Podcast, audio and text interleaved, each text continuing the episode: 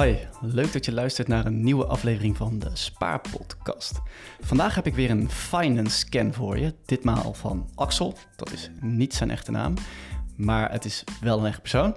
En op een kleine experimentele manier ga ik eh, jou meenemen in zijn verhaal, want het wordt zeer, zeer, zeer persoonlijk. En daarom is ook besloten om niet de hele aflevering uit te zenden, want eh, we hebben letterlijk uren gepraat.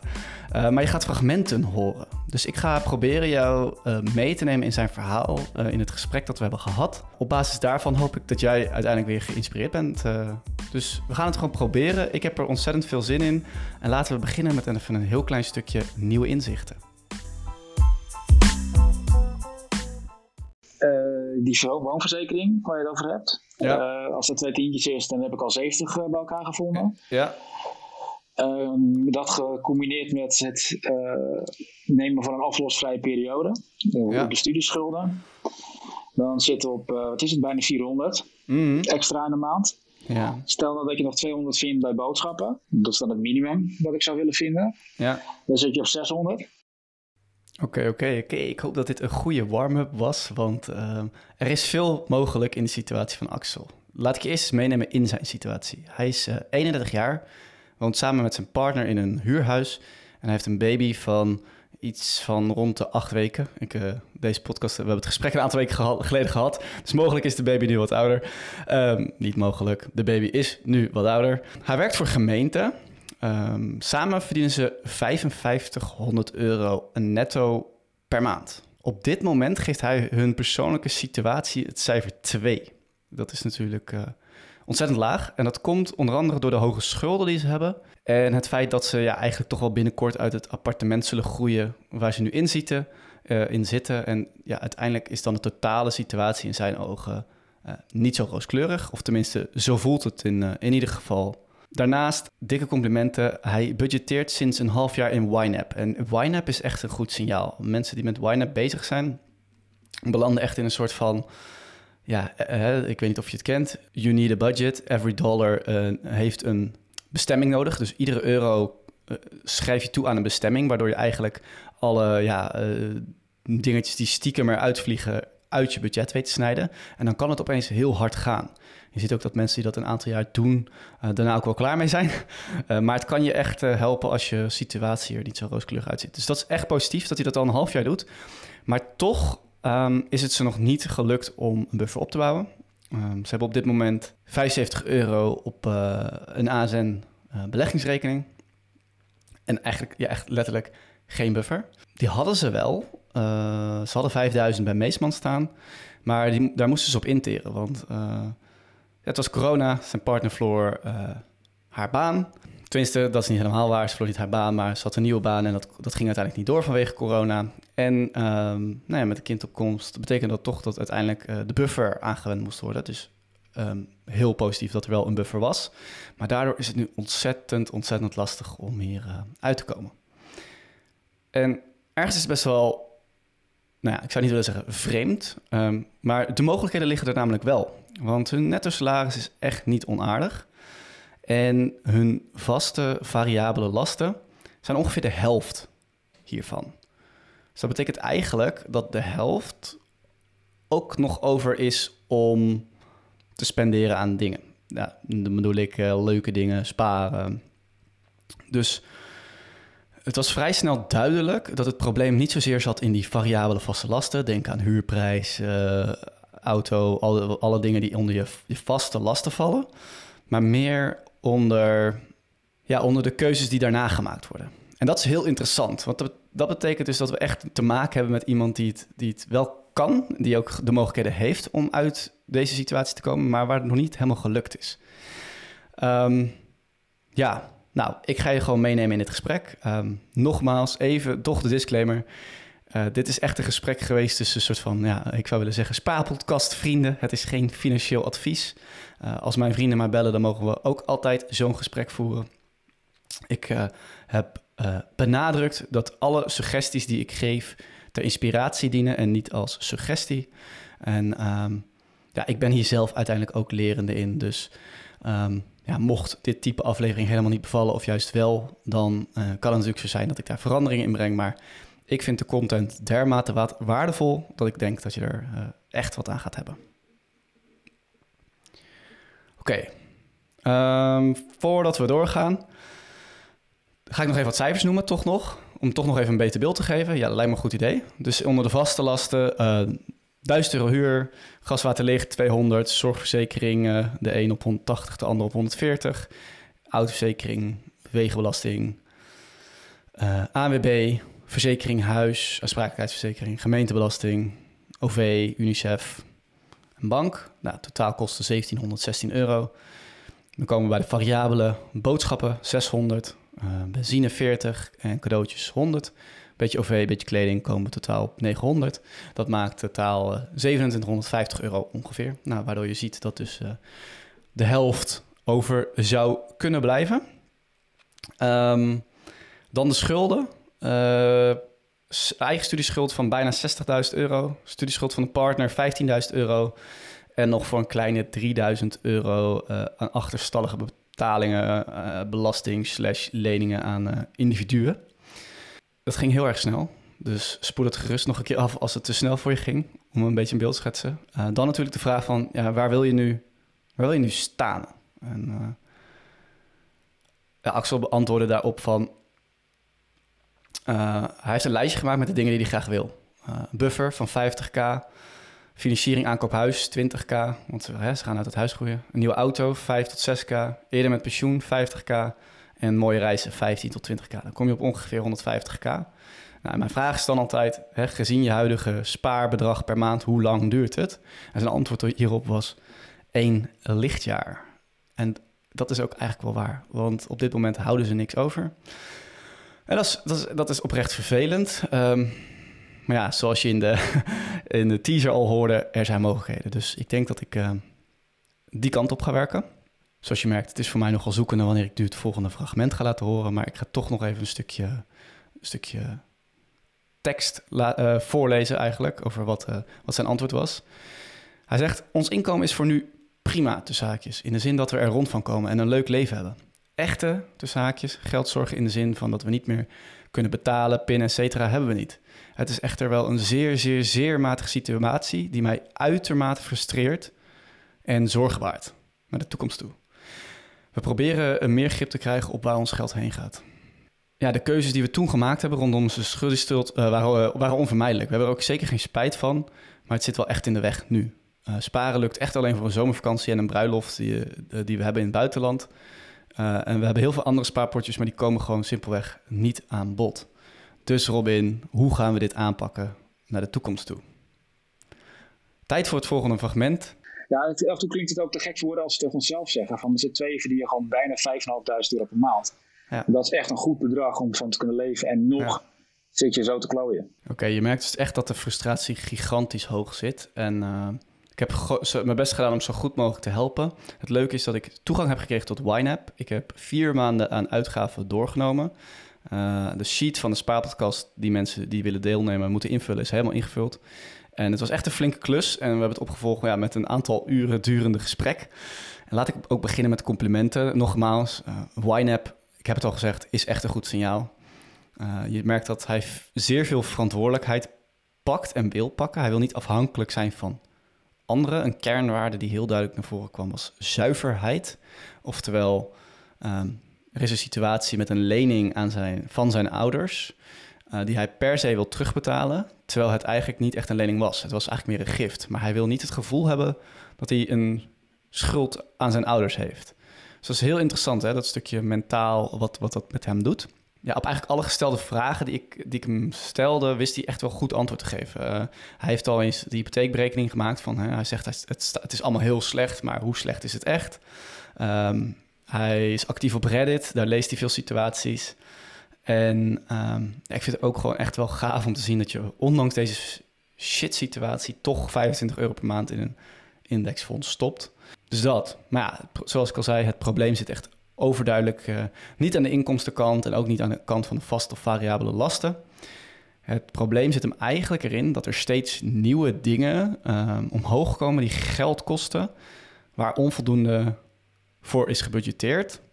Of waarbij als er eenmaal een soort van buffertje is, het idee ontstaat van, oh, nu kunnen we wel weer los. Ja, we gaan gewoon even een aantal dingen doorlopen. Je zult hem ook af en toe horen.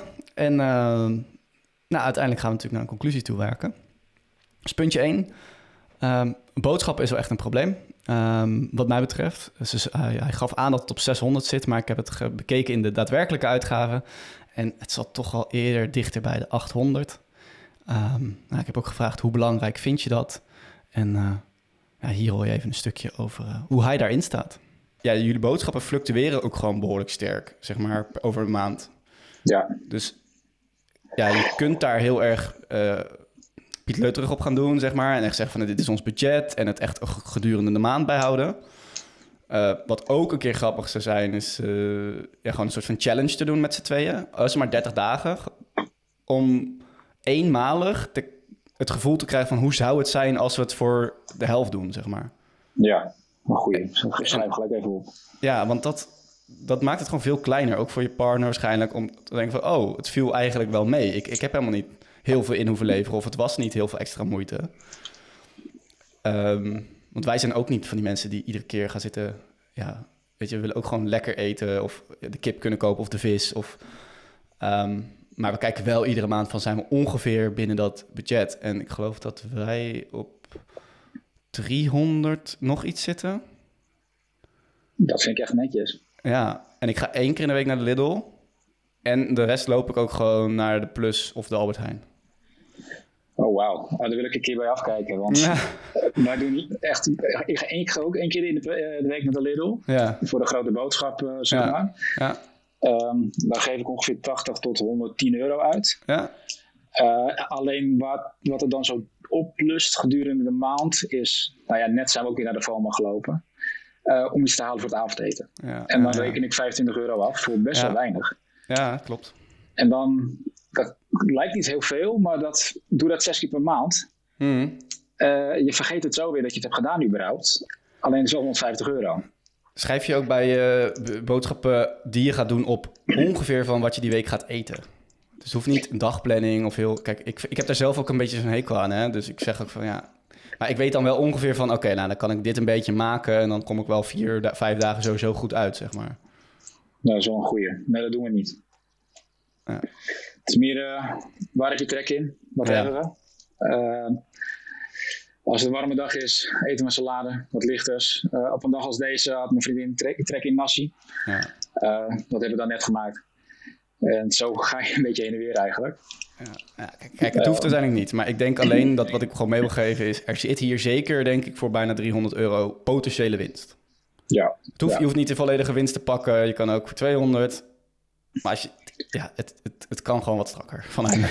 Als je het zou willen. Dat Helemaal mee. Nou ja, graag. Want ja, stel ik pak die 200. Ja. Dat is 2.500 euro per jaar. Ja, Uh, dat is bijna drie keer een ma drie maanden huur.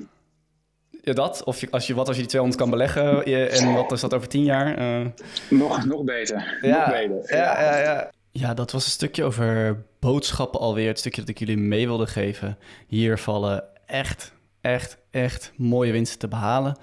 En eh, ja, Axel noemde ook nog... misschien koop ik wel een boodschappencursus online.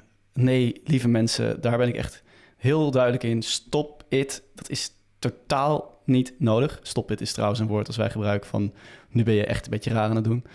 Dit kun je zelf. Je hoeft niet een dure cursus te kopen om te besparen op je boodschappen. Het is echt zo simpel. Ik kan niks anders zeggen. Dus dat over boodschappen. We hebben het ook nog heel even gehad- over... Ja, moet je dan meer inkomsten genereren? Uh, ik denk niet dat dat hier uh, per se nodig is. Er zat ook nog een loonsverhoging in het verschiet. Um, kijk, een kind krijgen kost uiteindelijk gewoon geld. En de timing is dan uiteindelijk qua, qua financiën is natuurlijk vervelend. Uh, en er zijn heel veel van de kosten die nu plots kwamen, uh, waren kindgerelateerd. Uh, je kunt natuurlijk uiteindelijk gewoon, als je de, dat plan hebt, eerder een potje aanmaken van hey, weet ik veel, zeg 5000 euro of 10.000 euro van ja, we gaan allerlei kosten krijgen rondom een kind. Dat is misschien het allerbeste. Um, maar op dit moment zit de winst niet in uh, wat ik noem de, de vintage verkoper, uh, die paar extra tientjes. Het zit hem echt in, in de rest. je bent al druk zat met je kindje, blij zat. Dus hou gewoon lekker je baan aan. En daarom hebben we ook het onderwerp extra inkomsten daarmee even opzij geschoven. Wat wel heel interessant is, is het onderwerp schulden. En hier hebben we een heel, heel, heel, heel boeiend gesprek over gevoerd. Dus uh, ik heb de schulden genoemd. Nou, dus de twee studieschulden zijn uh, veruit de hoogste schulden. Um, en het komt eigenlijk op twee dingen neer. Ik wilde graag werken met, uh, met hem aan, aan, zijn mindset. Dus hè, dat stukje schulden aan ouders. Het is niet eens echt een schuld. Wat kun je daaraan doen? Um, dus daar ga je zo wat fragmenten over, over horen. Maar eerst even over de studieschuld. Um, want ze lossen flink veel af. Tenminste, dat zullen ze ook moeten gaan doen.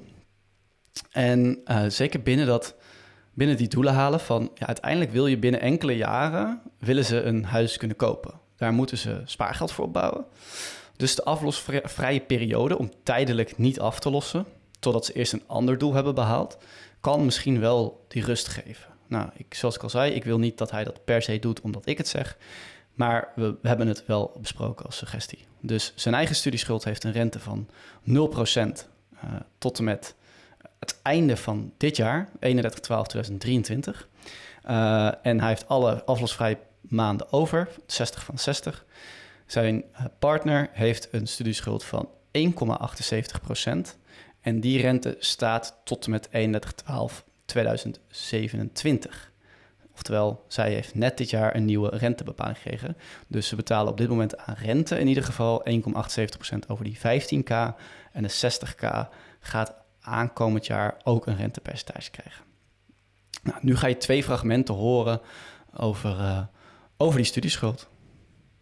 Kijk, je, je kan ook zes maanden uh, de aflosvrije periode gebruiken. Je hoeft niet in één keer vijf jaar. Je kan, je kan zelfs twee maanden. Je kan aan- en uitzetten wanneer je wilt. Maar als dat precies...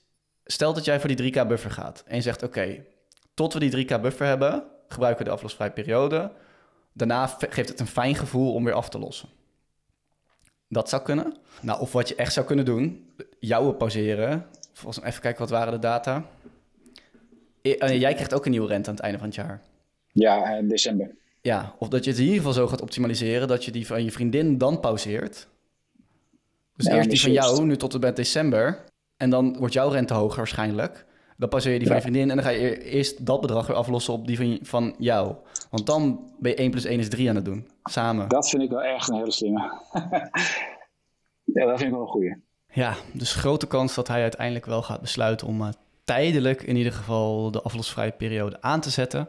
Um, lijkt me ook heel slim, want ze staan er nu dermate slecht voor dat het echt geen kwaad kan om eerst even uit, uit deze situatie te komen. Um, maar ja, zoals ik zeg, als ik het slim vind, betekent niet dat hij het moet doen. Ik blijf mezelf maar indekken. Ik vind het toch spannend als ik een soort van uh, suggesties geef. Maar zeker met die rentepercentage. Het is hartstikke onnodig dat ze nu ja, 2% rente betalen over een bedrag. Uh, waardoor ze eigenlijk niet uit die visuele cirkel komen. En ik, uh, ja, ik hoop ook dat, dat, dat als jij in zo'n situatie zit, dat je erover nadenkt om er wat mee te doen.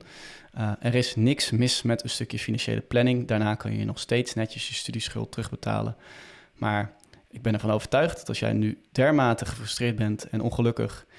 Uh, en dat ten koste gaat van je levenskwaliteit, dat het uiteindelijk ook moeilijker is om al je studieschulden terug te betalen. En als je je goed voelt uh, en je zit lekker in je vel en je financiën stellen dat het, ja, hè, die, die, die zijn ook in lijn met, dat, met, met die vibe dan uh, is het geen probleem om uiteindelijk die studieschuld gewoon helemaal netjes te gaan aflossen. En misschien wel versneld op een gegeven moment als andere financiële doelen behaald zijn. We gaan door naar de, naar de mindset. Ik, ik, met dit gesprek heb ik echt geprobeerd om ook de mindset een stukje van uh, zorgen en frustratie naar we gaan dit fixen te krijgen. In ieder geval om het cijfer, ongeacht de situatie, hoger te krijgen. Dus een 2 zou hoger kunnen zijn.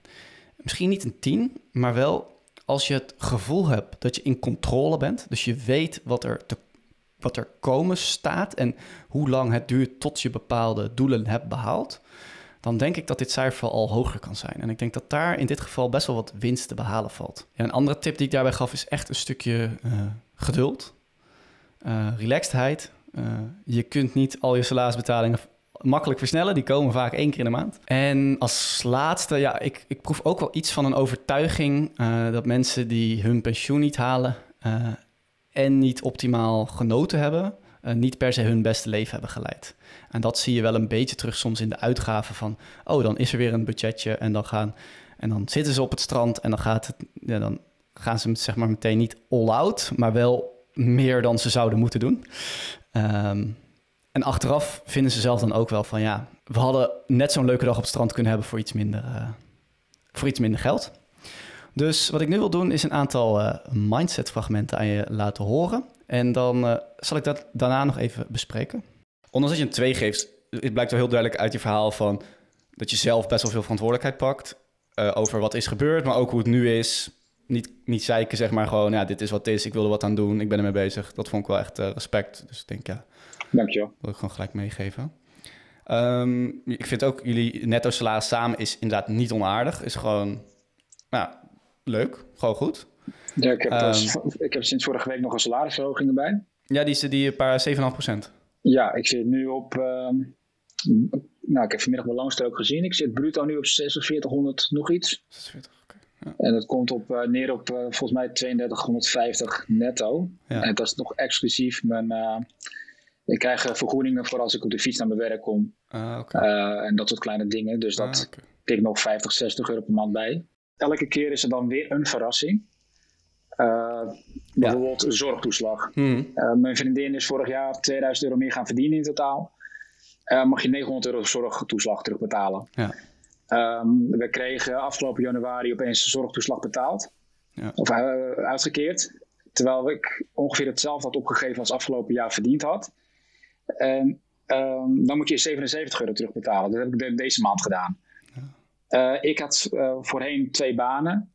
En ik heb, bij deze baan ben ik sinds oktober vorig jaar flink meer gaan verdienen. Mm. Echt uh, 1000 euro bruto in één klap omhoog gegaan. Ja. dat was best wel een pittig gesprek, maar uiteindelijk is dit wel uitgekomen. Ja. En dat betekende dat ik in die tweede baan zwaarder belast werd uiteindelijk. Oh, ja, ja. Dus dan moest ik daar wel meer over afdragen. Het kan ook een beetje doorslaan. En dat je dan echt een kniers wordt inderdaad op je uitgaven. Je, je gaat te veel op je geld zitten, noem maar op. Ja. Uh, ik zit daartussen een beetje als zo'n, pendulum. Ga ik een beetje heen en weer. In de zin van totale controle willen en echt geen euro uitgeven. Mm. Nadenken, oh ik zit nu heel lekker op dit strand, uh, op dit terrasje. Let's go. Um, ja, let's go. We zitten lekker. Vrienden zijn er ook. Ja. Uh, het is gezellig. Je leeft maar één keer. Ja. nu kan het allemaal nog. Uh, als je het niet doet, ga je later misschien spijt van krijgen op het moment dat het niet meer kan. Hmm. Uh, dus geniet er gewoon van. En geef die 50, 60, soms wel meer uh, euro gewoon uit. Ja. En dan herinner je dat als een leuke dag. Ja. en dan drie dagen later kan het weer de andere kant op slaan. Dat ik denk, ja, dat had ook de helft kunnen zijn als ik die pizza niet had genomen. Maar ja, wel, ja, ja, precies. Ja, dat is ja. een hele, hele Kijk, normale strijd, denk ik.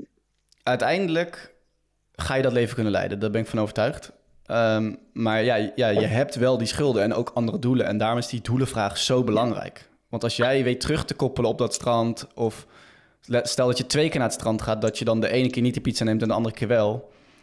Want je denkt, oh ja, want dan kan ik dat huis... en we groeien hier over, uit dit appartement...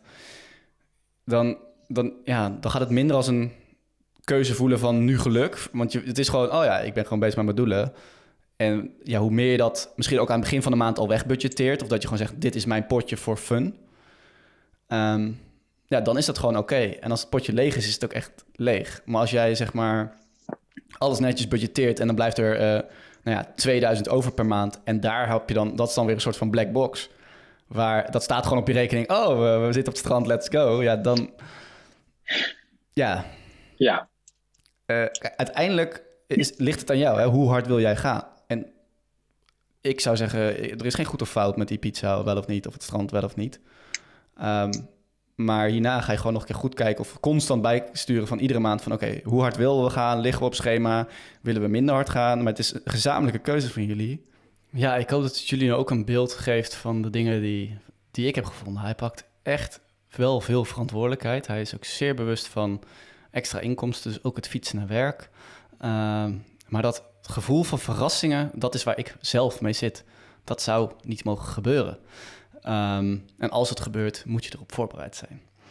Het, uh, het, het, verhaal van het strand is natuurlijk super typerend. En ik ga nu een statement maken, denk ik, die uh, misschien wel of niet zal resoneren. Maar ik ben er gewoon van overtuigd dat in controle zijn en genieten veel meer YOLO is, veel meer let's go, dit kan ik maken, dan de constante angst voor het mogelijk uh, niet redden of het mogelijk andere dingen niet kunnen betalen. Um, en dat is waar je jezelf wel in, uh, in de richting waarin je jezelf begeeft, als je er zo slecht voor staat en dan toch je laat gaan op, op, ja, op het strand, zeg maar. Dat kan als je in controle bent. Dus ik zou het willen omdraaien. Controle zorgt voor meer YOLO. En mensen die nu alles maar uitgeven omdat, ja, omdat wat? Omdat er angst is dat ze iemand kennen die eerder is overleden. Zo zie ik dat dus niet. Ik denk dat zij bepaalde angsten hebben. En daarom, daardoor misschien wel minder YOLO leven dan jij. Dus ja, dat eigenlijk. Um, ja, we gaan weer door. We gaan naar de situatie van de partner. Uh, ook een belangrijk onderdeel natuurlijk, en zeker in, de, in, in, dit gesprek. Uh, helaas kon ze er niet bij zijn, want ze was borstvoeding aan het geven. We hebben het wel geprobeerd, uh, maar dat is ook weer zo raar hè, als ik dan mee zit te praten. dat gun je niemand, dat, gun je geen, dat gun je geen enkele baby. Maar in ieder geval, een aantal dingen vielen hierop. Ik denk toch dat haar inkomen op dit moment niet super hoog is voor wat ze doet. we hebben het erover gehad ja, ik denk dat het goed voor hem is om het gesprek aan te gaan met zijn partner. Van, want er zit gewoon veel meer in voor haar. Uh, het is echt uh, eh, 2500 euro op dit moment, uh, bruto. En ze heeft iets van 8, 9, 10 jaar werkervaring, iets in, rond die trant. Um, ik ga het fragment gewoon even laten zitten, omdat ze er ook niet bij was. Maar het is wel, wat mij betreft moet 1 plus 1 altijd 3 zijn. En moet je wel met elkaar dit gesprek Want ze staan er gezamenlijk niet zo goed voor. Ze hebben samen een babytje. En dat betekent dat zij uh, ja, wel ergens in haar planning, misschien is het nu niet het juiste moment, misschien wel moet gaan overwegen om echt dat moeilijke gesprek aan te gaan van luister, ik wil meer salaris. Of je gaat zelf iets anders zoeken. Maar 2500 euro bruto met een jaar of tien werkervaring en zit ook niet in een vakgebied waar dat uh, normaal is, um, is gewoon te weinig. Uiteindelijk is het ook aan de partner, of dat nu de man of de vrouw is. Uh, ik, ik, ik, ga gewoon niet zo lekker op iemand die niet van de cijfertjes of mijn partner regelt dat. En niet dat dat hier per se het geval is, maar ik heb het wel met Axel over verantwoordelijkheid gehad. In de zin van, ja, zelfs als je partner dat niet heeft of minder heeft, dan is het wel jouw verantwoordelijkheid om diegene toch af en toe in de Excel-sheet te krijgen. En dan zie je het als een leuke uitdaging. Ja, hoe kan je het leuk maken? Hoe kan je zorgen dat het 5% van de tijd echt over de cijfertjes gaat en 95% van de tijd echt over de leuke dingen? Voor over dus, wat zijn die gezamenlijke dromen en doelen? Dus, hé, hey, we hebben 15k voor reizen staan. Waar zouden die reizen naartoe kunnen gaan? Of hé, hey, we hebben 20k voor aankoop huis staan. Wat voor huis zouden we willen? Spendeer dan het grootste deel van de tijd met rode wijn en funda. Uh, en kijk dan nog eventjes naar de cijfertjes. Maar geloof mij nou maar, je doet je partner een gunst als je dit doet. Ehm, dus zelfs als je partner zegt van nee, ik hoef dit niet, vind ik toch dat je dit niet in je eentje zou moeten doen. Jij bent degene die luistert in de relatie. Als je tot, tenminste, ja, je hebt het tot hier gehaald. Dus ja, knoop dit dan ook in je oren. Van hier heb jij ook verantwoordelijkheid. Je kan niet denken van, nou ja, dan is het wel zo. Ik regel alles wel. Nee, je mag dat echt verwachten van je partner. En we zien het veel, hè. Uh, zeker in Nederland.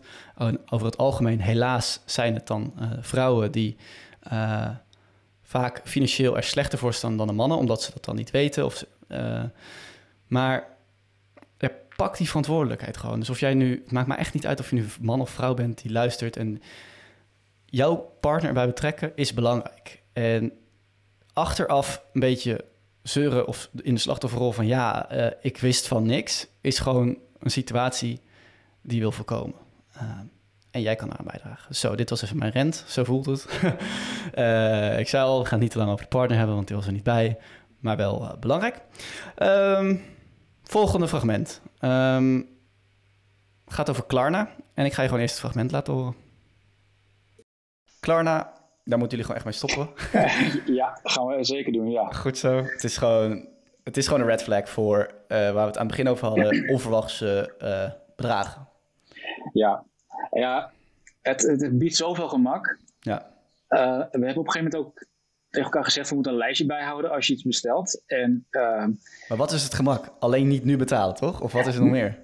Nou, dat als je iets niet krijgt, dat jouw geld niet bij dat bedrijf staat en dat je daarom moet wachten bijvoorbeeld. Is dat je overkomen?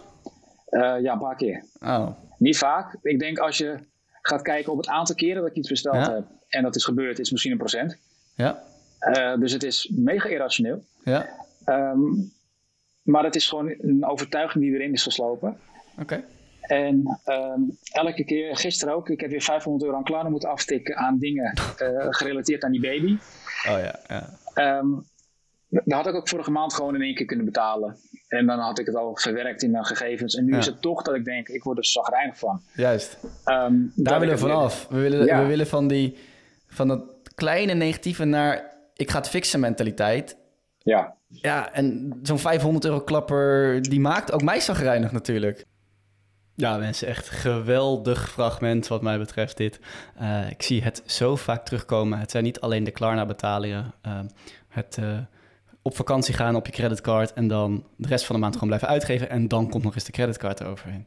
Mocht je zulk gedrag nu bij jezelf zien, dat kan zijn zorgverzekeringen of zorgrekeningen die nog komen, creditcardrekeningen die nog komen, bestellingen die nog komen. Je merkt het, dat lijstje is niet voldoende. Op het moment dat je dat doet, ja, dan boek je meteen saldo naar een andere rekening van oké, ik moet dat geld nu afschrijven. Omdat je anders het idee blijft houden dat dat geld nog steeds van jou is. En dat kan gewoon tot problemen leiden. Ehm, laat ik zo zeggen, je kan er heel veel mee winnen uh, door hier slimmer mee om te gaan. Dus uh, we gaan naar het leuke, het aller, allerleukste van het gesprek, denk ik. Uh, we gaan ook bijna afronden. Er komt nog één fragmentje aan. En ik ga het nog even samenvatten. Uh, maar dat ging om de doelen. Wat we hebben gedaan is de doelen opgesplitst. Want het was echt een 50k buffer en dan dit en dan dat. Ik denk dat het kleiner kan. Werk bijvoorbeeld eerst eens toe naar een 3k buffer. Um, zeg dan die verzekering op die je hebt genomen omdat je uh, ja, letterlijk geen buffer hebt. Uh, en dan ga je sparen naar uh, eh, 10k cash voor dat huis, want dan kom je denk ik al heel ver.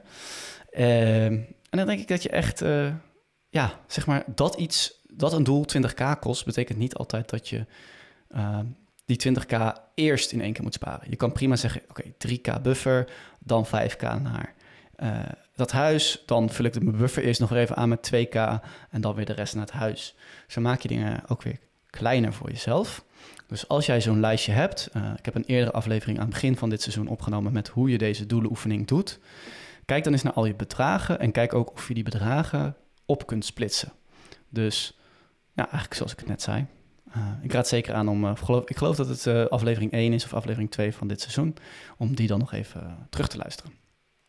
Um, en eigenlijk heb ik hem aangemoedigd om de hypotheekberekening nogmaals te maken op het moment dat hij 10k cash heeft. En ja, je hoort hier nu een fragment over en dat hij ja, er bijna stil van is van de mogelijkheden die er misschien toch wel liggen op korte termijn. Dan zit je misschien over een jaar al in je hypotheekadviesgesprek. Oh. Dat denk ik. Hè. Ik denk dat dat sneller kan gaan dan jij nu denkt. Okay. Omdat je nu gewoon eventjes in die, in die, ja, in die rotsituatie zit.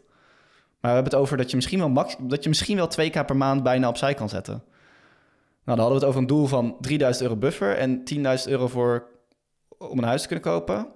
Nou ja, 2000 per maand, dus nou, 12, uh, 24. Dan heb je ook nog bijna die auto gekocht en je bent nog een keer op vakantie geweest. Heel even, ik denk nu even Amerikaans, hè? Ik denk even Amerikaans. Maar... Het klinkt heel goed zo.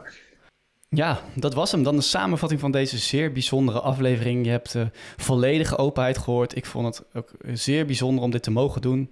Ik wil uh, Axel dan ook echt ja, enorm bedanken voor zijn over, openheid. Uh, dat ik ook letterlijk alle uitgaven van de afgelopen maanden mocht zien.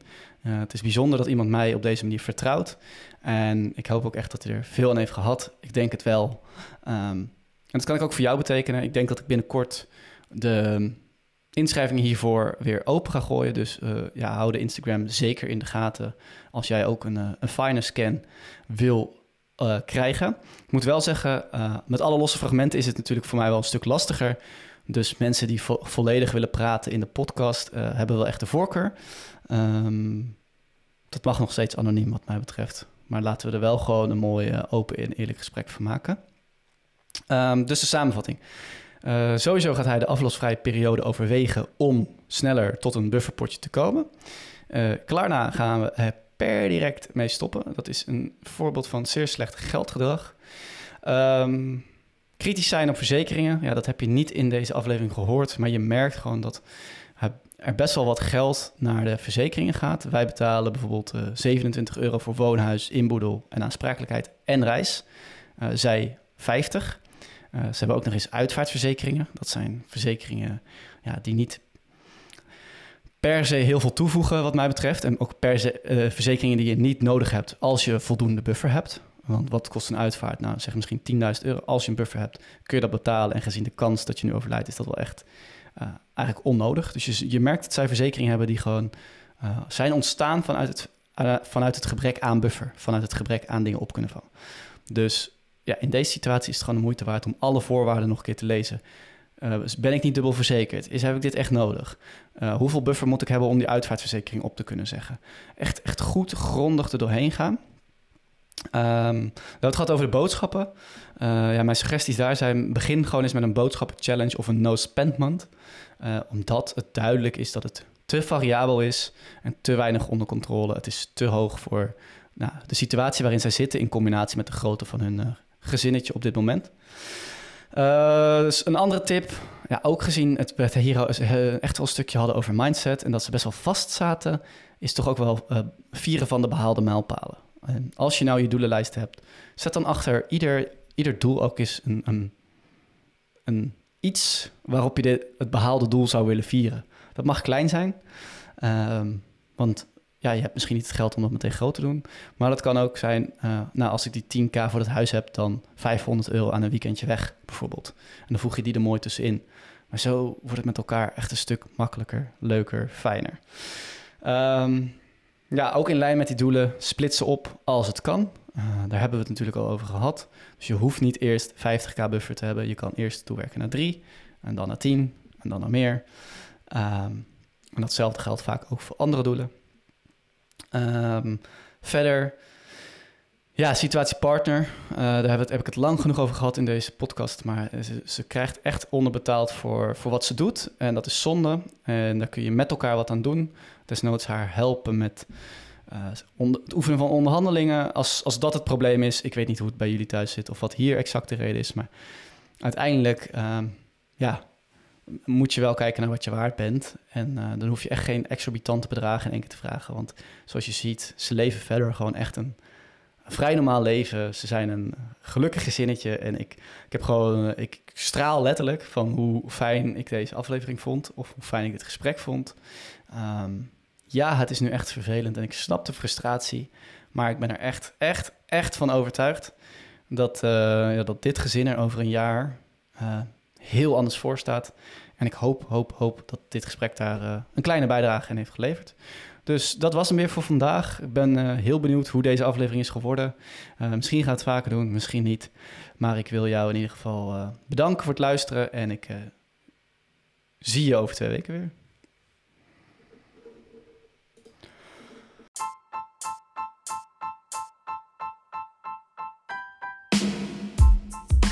Bedankt voor het luisteren naar de Spaarpodcast en gaaf dat je het helemaal hebt gehaald tot het einde van deze aflevering. Ik hoop dat je hebt genoten en ik hoop dat je iets hebt opgestoken. Mocht je deze content waarderen, dan zou ik het in ieder geval heel erg tof vinden als je een uh, review achterlaat of bijvoorbeeld de aflevering deelt met je vrienden of familie. Heb je nu een vraag voor mij, bijvoorbeeld over ondernemen of over persoonlijke financiën? Stel hem dan uh, op Instagram, @despaarpodcast of mail mij op robin@despaarpodcast.nl. En wie weet behandelen we dan jouw vraag wel in de volgende podcast. Nou, mocht ik nu zelf het antwoord niet weten, dan vraag ik natuurlijk een van de experts uit mijn netwerk om met een mooi antwoord te komen. Wil je niet alleen een vraag stellen, maar gewoon heel je levensverhaal delen? Dat mag ook. Uiteraard onder bepaalde voorwaarden. Je kunt te gast zijn. Uh, vul dan even het formulier in wat je kunt vinden in de show notes. En dan kijken we of we uh, samen tot een mooie aflevering kunnen komen. Nogmaals, ontzettend bedankt voor het luisteren en tot de volgende keer.